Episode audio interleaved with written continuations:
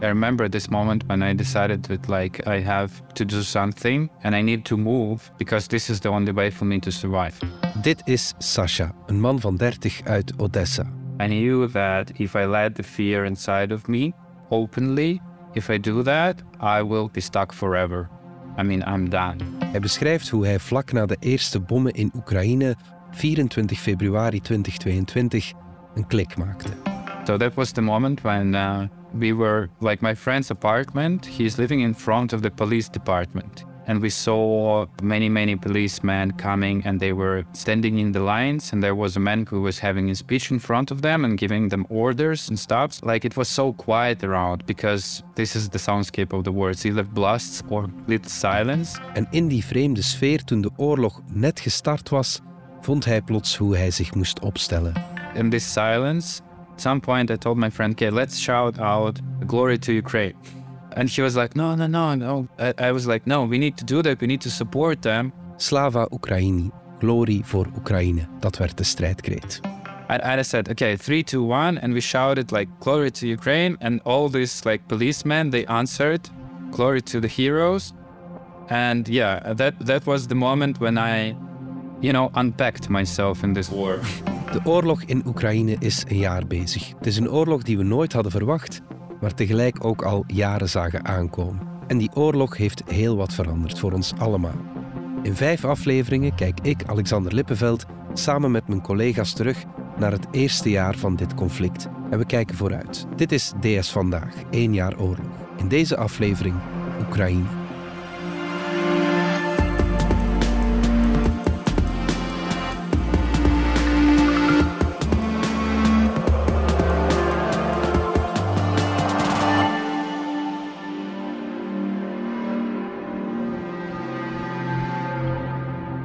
Corrie Hanke en Jorn de Kok, jullie volgen de oorlog in Oekraïne voor de standaard. Hoe hebben jullie die 24 februari ervaren? Je wist dat het eraan zat te komen. Dat wil zeggen, veel mensen wisten dat het eraan zat te komen, maar ik wilde het niet geloven. Ik ging de avond tevoren slapen met het gevoel, nee, die invasie die gaat niet gebeuren. Dat gaat Poetin niet doen. En dan s'nachts om een uur of vier, vijf uh, sta ik op om te drinken en ik kijk ja, toevallig op mijn telefoon en ik zie inderdaad dat de grote invasie begonnen is. Ja. En ik kwam toen net terug van Mariupol. Um, dus ik heb toen onmiddellijk de man gebeld met wie ik in Mariupol gewerkt heb. En die zat in de auto vluchtend uit Mariupol richting Kiev. Dus die heeft zo'n eerste uh, ooggetuigenverslag toen gemaakt voor de website 's ochtends vroeg. Ja, oké. We waren al een hele maand eigenlijk in volle spanning. Ik had eerder het gevoel dat Poetin het wel ging doen, want waarom anders zou je daar die hele troepenmacht zitten opbouwen? Maar het bizarre is van tegen 24 februari, dat was al redelijk laat. En tegen beter weten in begin je eigenlijk te hopen van, ja, met elke dag dat het niet gebeurt, gaan die plannen toch maar afblazen. Dus toen ik uh, 24 februari s ochtends wakker werd met het nieuws dat het uiteindelijk dat die invasie wel was, was begonnen, was het eigenlijk ja, een, een dubbele ontgoocheling, om het zo te zeggen.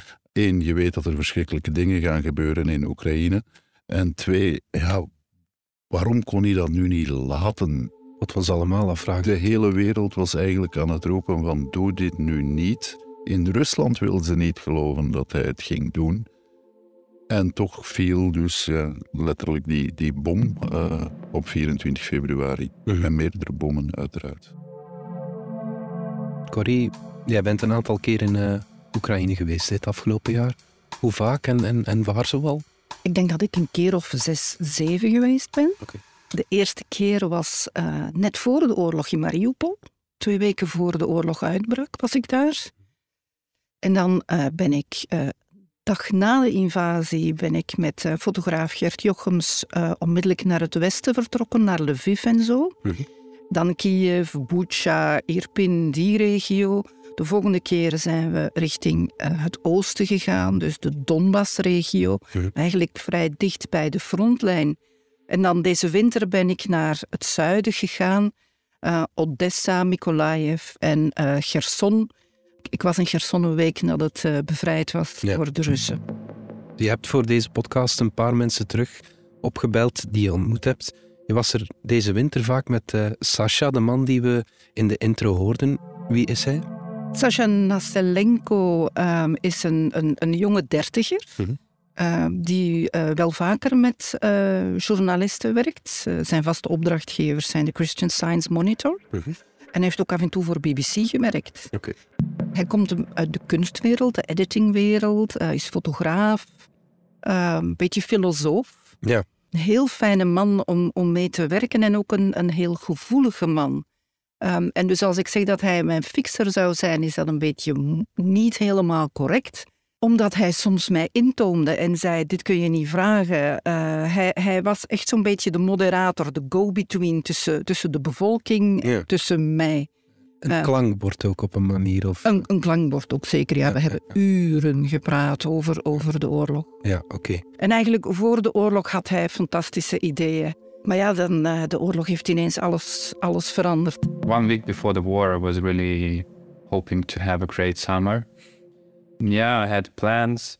I wanted to buy old Soviet motorcycle, really cheap one, to repair it, to fix it, and uh, I uh, take my camera and go on the like a motorcycle trip with a camping with a tent. Go to my native region, Bessarabia. It's in southern Ukraine. I wanted to explore it and uh, have some photographic um, project based on that exploration. I knew it was coming I was the one who was saying that the war is going to happen, but I, I was not prepared at all. Hij vertelde mij later dat hij aan zijn vrienden heel lang had gezegd van uh, de oorlog is op komst en ze wilden hem niet geloven. Dus uh, de nacht dat uh, hij, denk ik op televisie, zag dat Poetin de speciale militaire operatie begon, toen dacht hij, zie je wel, ik ben niet gek. ik, mijn voorgevoel was toch juist. Yeah, when it happened, I somehow felt a relief in a way that I realized that I'm not being too paranoid and I'm not being too big panicker when I'm saying that the war is going to happen. When I was saying that, and uh, that is really happening. So this is the problem we are facing now, and uh, this is it. You know you know you know your monster finally. It's not just in your dreams. I was not sleeping at that time. I was uh, i was awake and i was watching the urgent uh, un council meeting and at the same time i had a notification about putin announcing this special military operation stuff i was like what the hell is going on i was so pissed off and was so angry just by seeing him and realizing that this is the moment when history is happening. He's just opening this Pandora box. You see a person in the process of making this, not God, but like evil demon doing that, and you see it live. It's so strange. Like in 10 minutes, I think his speech was over, and like in one minute after that, I heard the first blast. I was thinking at the beginning that this is just like kind of a prank, you know, like some kind of insurgents who want to make people panic. Then uh, we heard the second blast. After that, we saw a rocket like in the sky. And we were like, oh my god, this is happening. In de eerste helft van de oorlogsperiode, uh, toen ik vooral Kiev en het oosten gedaan, heb ik veel gewerkt met Dmitry Gnatjuk.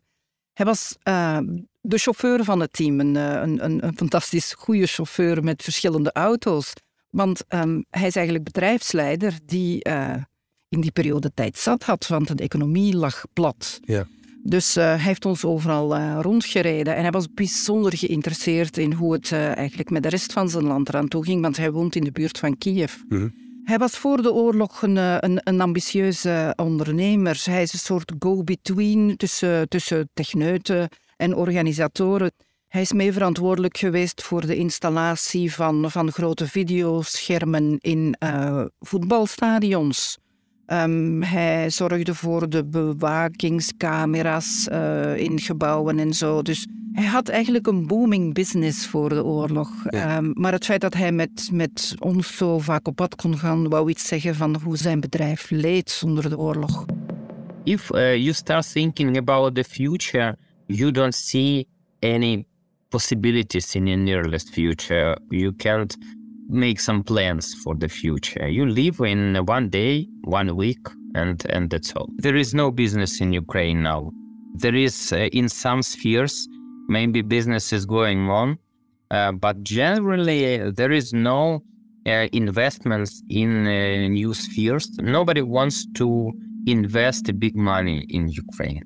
Everybody wants to create something small, and they are scared about uh, the situation because they can lose everything in a moment. We had supported this system on, on, on the stadiums. We do some repairing, we do some technical manipulation with the equipment, and now everything closed and nobody care about this system on this location because it's not needed now. I have a few projects with private residences. It's a small work for me and for my guys. It's like a service for connecting the generators uh, to the building, to the to the houses. It's a small job for, for one day or for a few hours.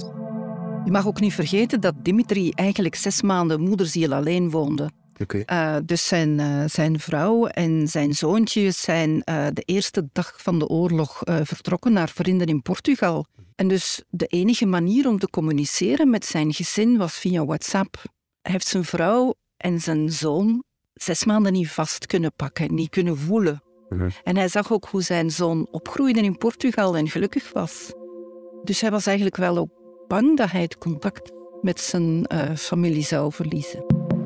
As for me, as my point of view was to better to stay there uh, in Portugal in a safe place. But we understand that this war wouldn't finish in an earliest future. Yeah, and uh, we have to make decision uh, about two important things. Our son live in a normal family. We call it normal family with the father and mother, or we take him there, but uh, he's he he need a father. He was a small boy when they come back. It was a, a gentleman. He he starts thinking in another way.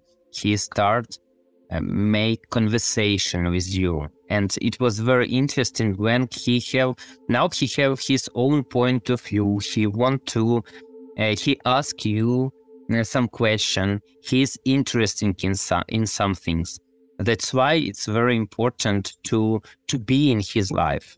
It's very important for me, and I think it's the same important for him. Before the war, I uh, spent much more time and uh, with at work, and uh, spent uh, much less time with the family. This truth that uh, physical things they are not important, and uh, you can lose them in a moment because everybody try to create a business, try to do some job, yes, to collect some money, to buy a bigger flat, to buy a house. But uh, they understand now. They understand that uh, they can lose it in a moment, and they couldn't uh, take it with uh, with them anywhere.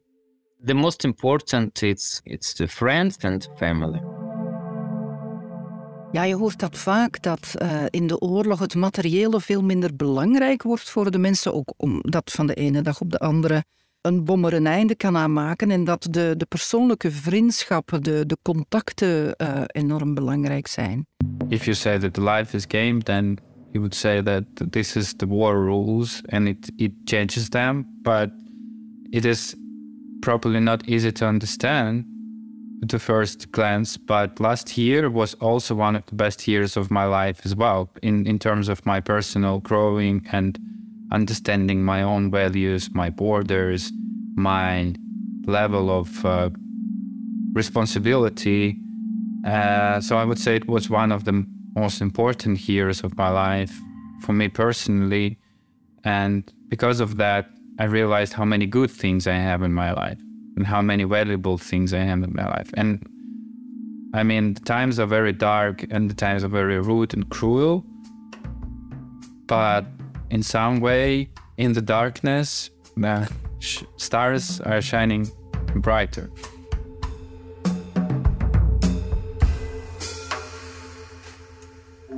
Wat mij opvalt in die verhalen is dat die twee mannen hun leven helemaal is overhoop gegooid op die 24 februari. Maar ondanks alles wat daarop volgt, laten hun hoofd niet hangen. Hè? Kan ik dat zeggen, Corrie? Ja, dat klopt. Ik heb zo uh, in de eerste week na de invasie een, uh, een jonge vrouw ontmoet, uh, Oksana.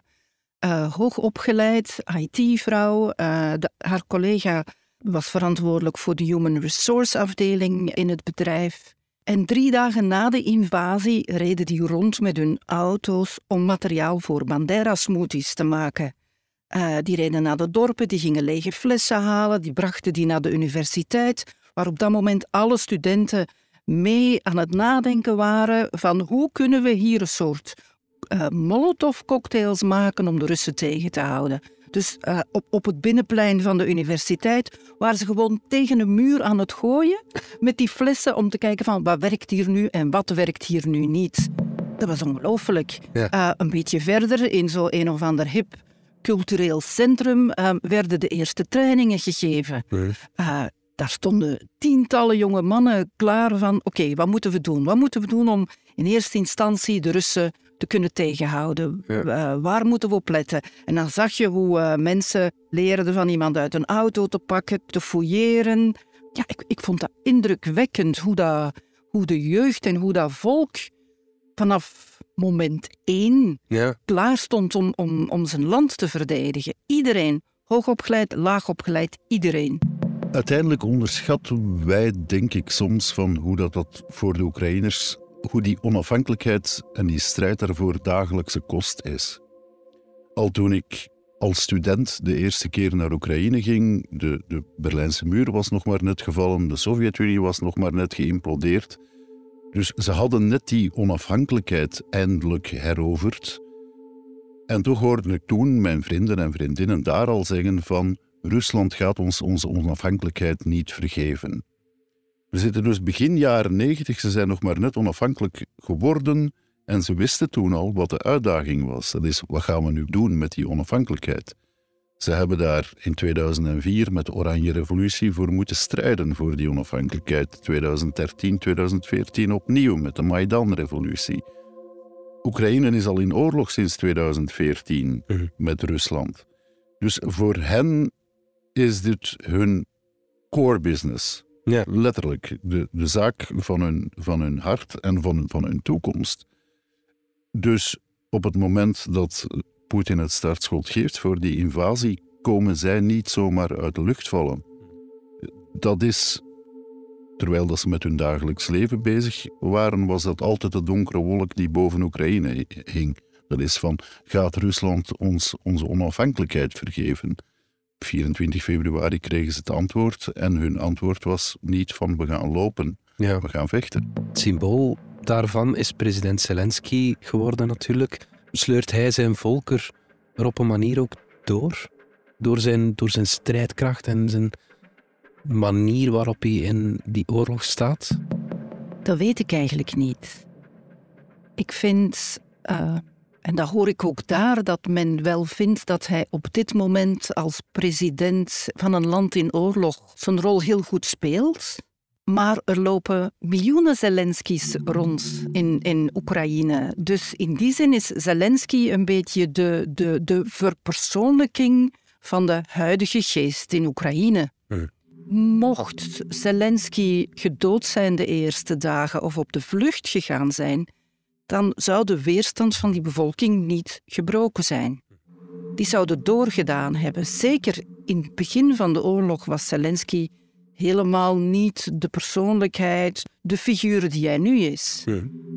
Maar hoe hij zich nu gedraagt, um, ik weet niet of hij zijn volk er doorsleurt. In ieder geval, hij motiveert ze, hij vuurt ze aan, hij predikt de eenheid.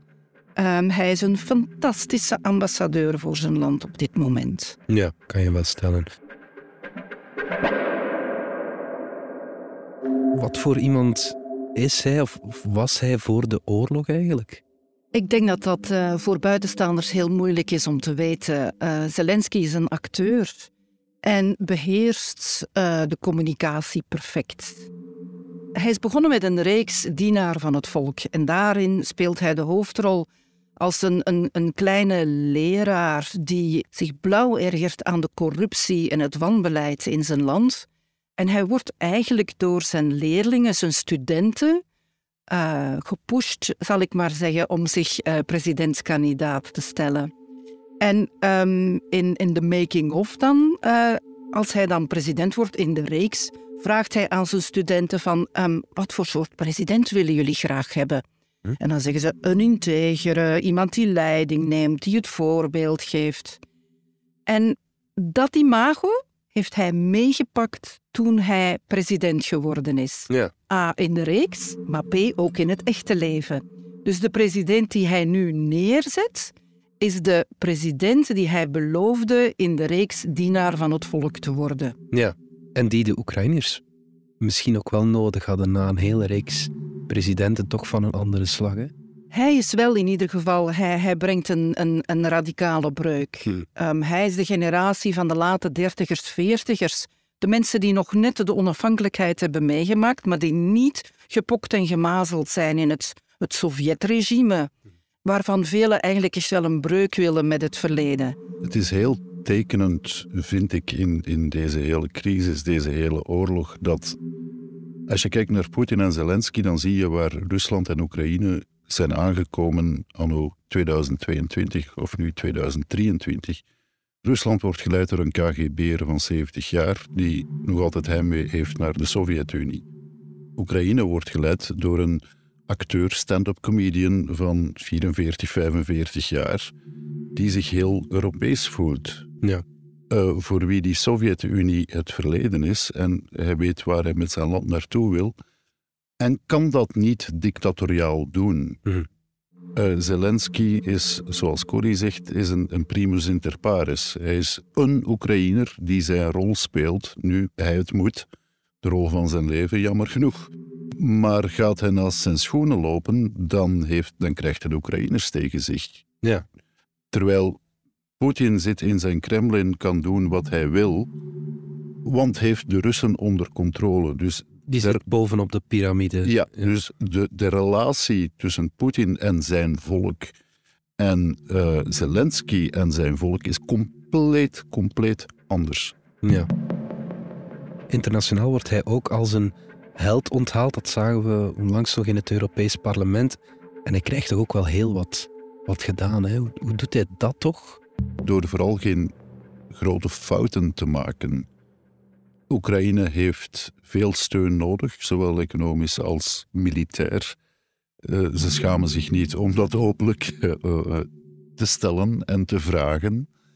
En dan zie je dat Zelensky, maar ook zijn minister van Defensie, de anderen, ze zijn heel goed in het bouwen van bruggen. Hm.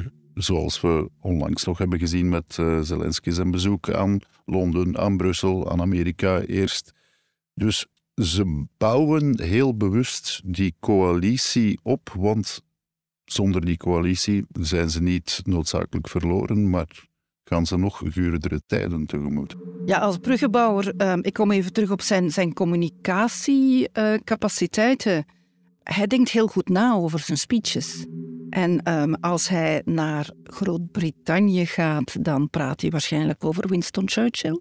Als hij uh, het, uh, de Amerikanen toesprak, begon hij over 9-11. Als hij met het buitenland praat, dan kiest hij altijd thema's die voor dat land heel belangrijk zijn en hij appelleert daarnaar. Tweede is, hij, hij speelt ook de moraalridder een beetje. Ja. Hij geeft eigenlijk de andere landen een beetje een schuldgevoel van wat voor land zijn jullie als jullie ons niet helpen? Ja.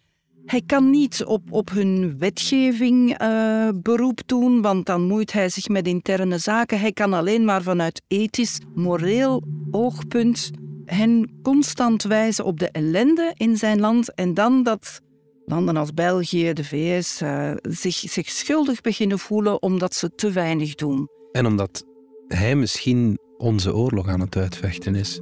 Er is het element van jullie moeten ons helpen moreel, maar ook als jullie ons niet helpen, dan uh, lossen jullie het maar op met de Russen. Wij zijn een oorlog aan het uitvechten voor heel Europa. Mhm. Dus het zijn die twee elementen, denk ik, die hij inderdaad steeds weer telkens goed uitspeelt. Van het is een rechtvaardige oorlog die wij voeren en het is een oorlog die wij voeren namens heel Europa. Ja. Laten we eens kijken naar het uh, Oekraïnse leger. Ik denk dat Poetin stom verbaasd stond te kijken toen bleek dat dat leger veel sterker en weerbaarder is dan hij, uh, dan hij had verwacht. Hè?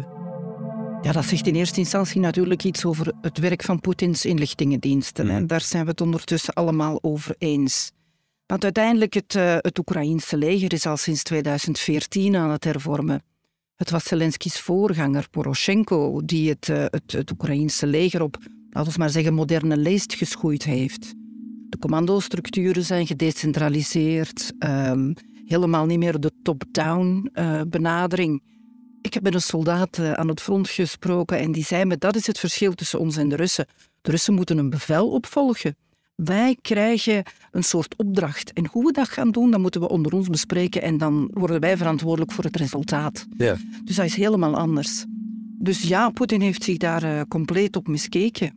Ze zijn bijzonder creatief. Ze zijn heel goed in out of the box denken en zelf oplossingen te bedenken. En dat staat dan haaks tegenover het bureaucratische uh, systeem van de Russen. Uh, het leger denkt voor u, zoals dat uh, spreekwoord gaat, tegenover ik denk wel mee met het leger. Je kan heel vaak op Twitter de ontstaansgeschiedenis van een aanval volgen.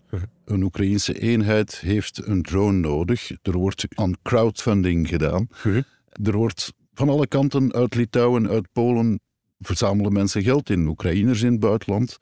En dan gaat die eenheid aan de slag met zijn nieuwe drone, een commerciële drone. Dan beginnen ze eraan te prutsen, de IT'ers waarover Corrie sprak.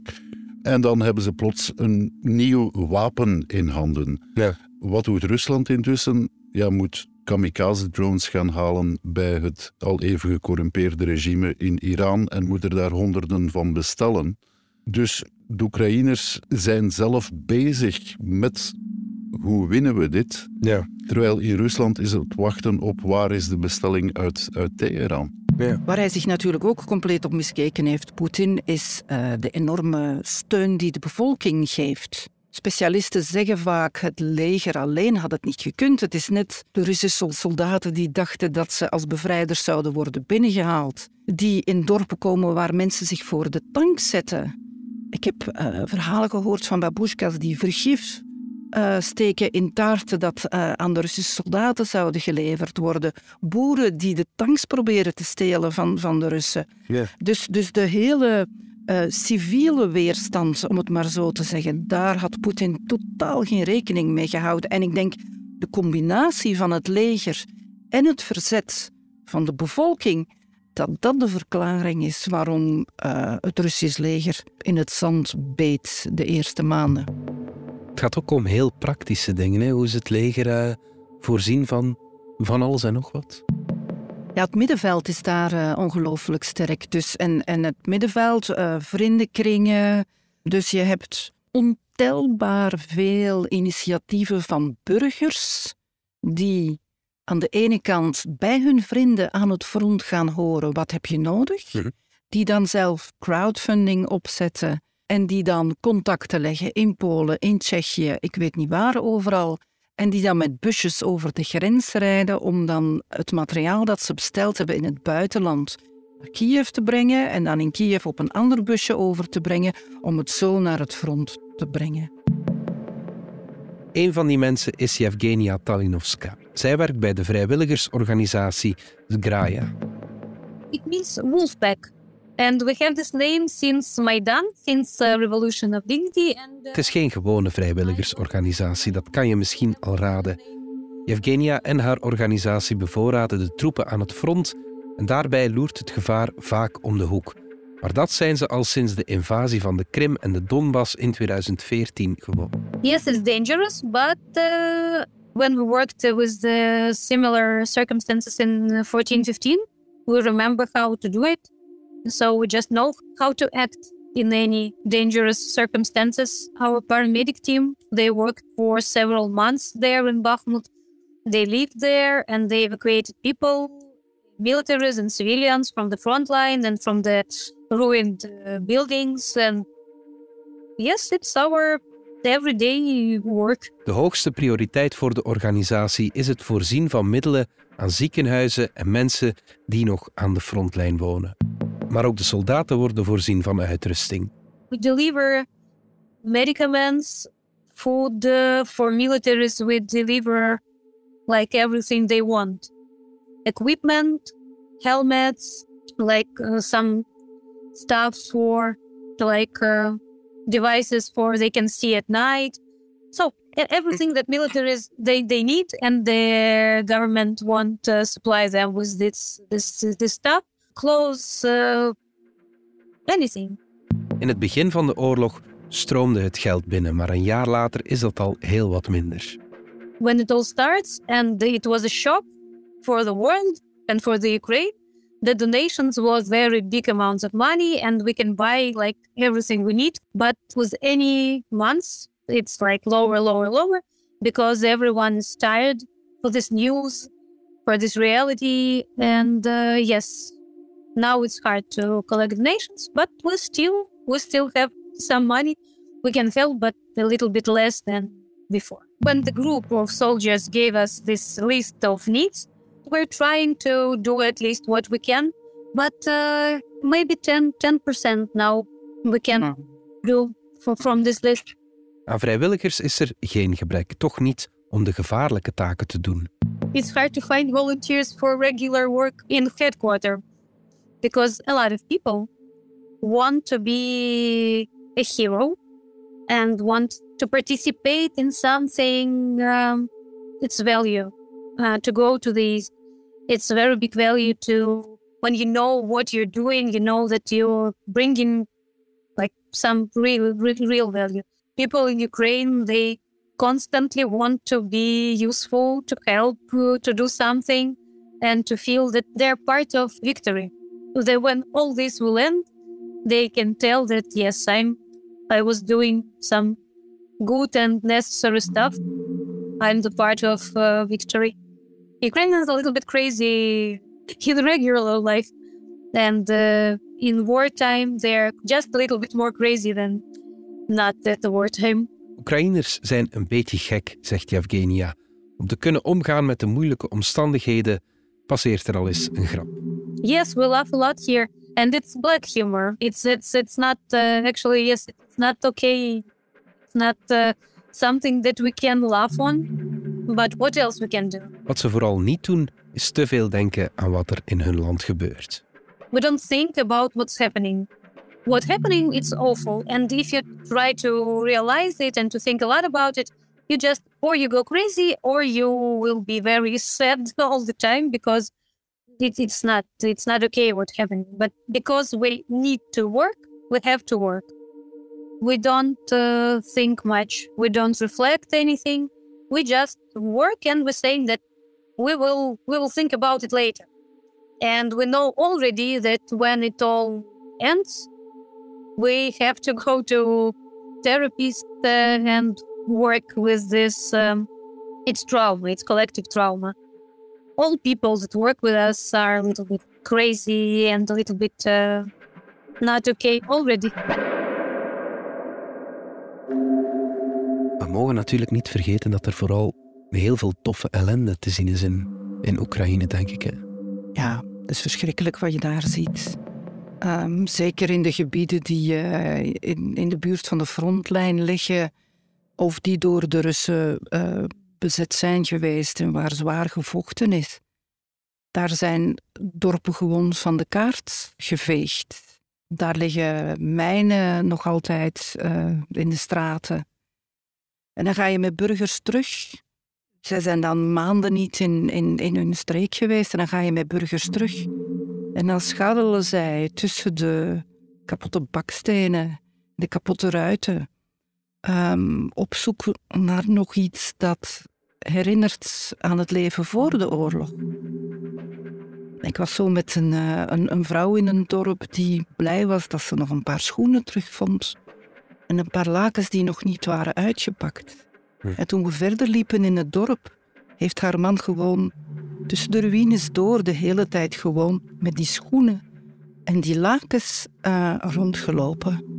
Die vrouw kreeg ook constant telefoon, want zij was soort burgemeester van, van um, mensen van dat dorp. Van, kunnen we al terugkomen? Kan ik, al, uh, kan ik mijn dak al komen herstellen? En op zeker moment riep zij echt uh, in haar gsm, er is godverdomme niks meer. Probeer je dat toch in te beelden. Er is niks meer. Het heeft geen zin om terug te komen. Ik vind dat heel moeilijk om te vatten, um, hoe, hoe mensen daarmee omgaan. Hier zijn wonden geslagen die nooit meer goed kunnen komen. En dan zijn er nog de gebieden die intussen in Russische handen zijn. Mariupol, ik was daar tevoren. Uh, er waren zoveel weerbare mensen, zoals je zei. Ehm, oudere dames die camouflage netten maakten, mannen die opnieuw zich bij de self-defense gingen aanmelden, want ze zouden de Russen wel eens tegenhouden. Er is niks meer van Mariupol over. Mm Het is precies of daar een uh, tombom bijna is opgevallen. Niemand weet waar die burgers naartoe zijn. Niemand weet hoeveel mensen daar dood zijn. En ondertussen maken de Russen in Moskou reclame met de mooie stad dat Mariupol wel aan het worden is. Ook in mijn vriendenkring, iedereen die ik ken, heeft wel één, twee of drie mensen verloren. Ja. Ikzelf, ik heb mensen gesproken waarvan ik nu weet dat ze dood zijn. Ja. Dit, uh, dit is verschrikkelijk. I really have a feeling that we will win this war. And it's not like just some kind of this patriotic uh, mood. We begonnen deze podcast met Sasha en we gaan ook met hem eindigen, want ondanks alles blijft hij wel hoopvol. I really think that we are fighting for uh, something very important. We're fighting for good against the evil, against the pure evil, and we're fighting against the bad system, like bad old cruel system. And the values we are fighting for are about the future and about the life. And we are fighting against the anti-life. So life always prevails. It is about evolution. This is evolutionary process going on. So one thing I know for sure that The future will be here, and Ukraine will be a part of that future. That is, I'm sure.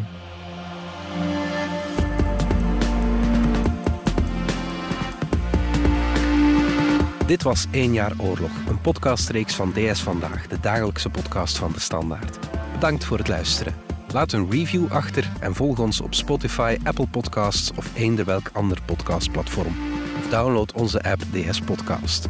Voor 4 euro per week lees je elke dag meer van onze journalistiek in de app, online en in de krant. Met scherpe analyse en duiding bij de actualiteit, maar ook nog meer verhalen achter de feiten en nieuwe inzichten. Alle info vind je op standaard.be-lees. De credits van de podcast die je net hoorde vind je op standaard.be-podcast. Reageren kan via podcast.standaard.be.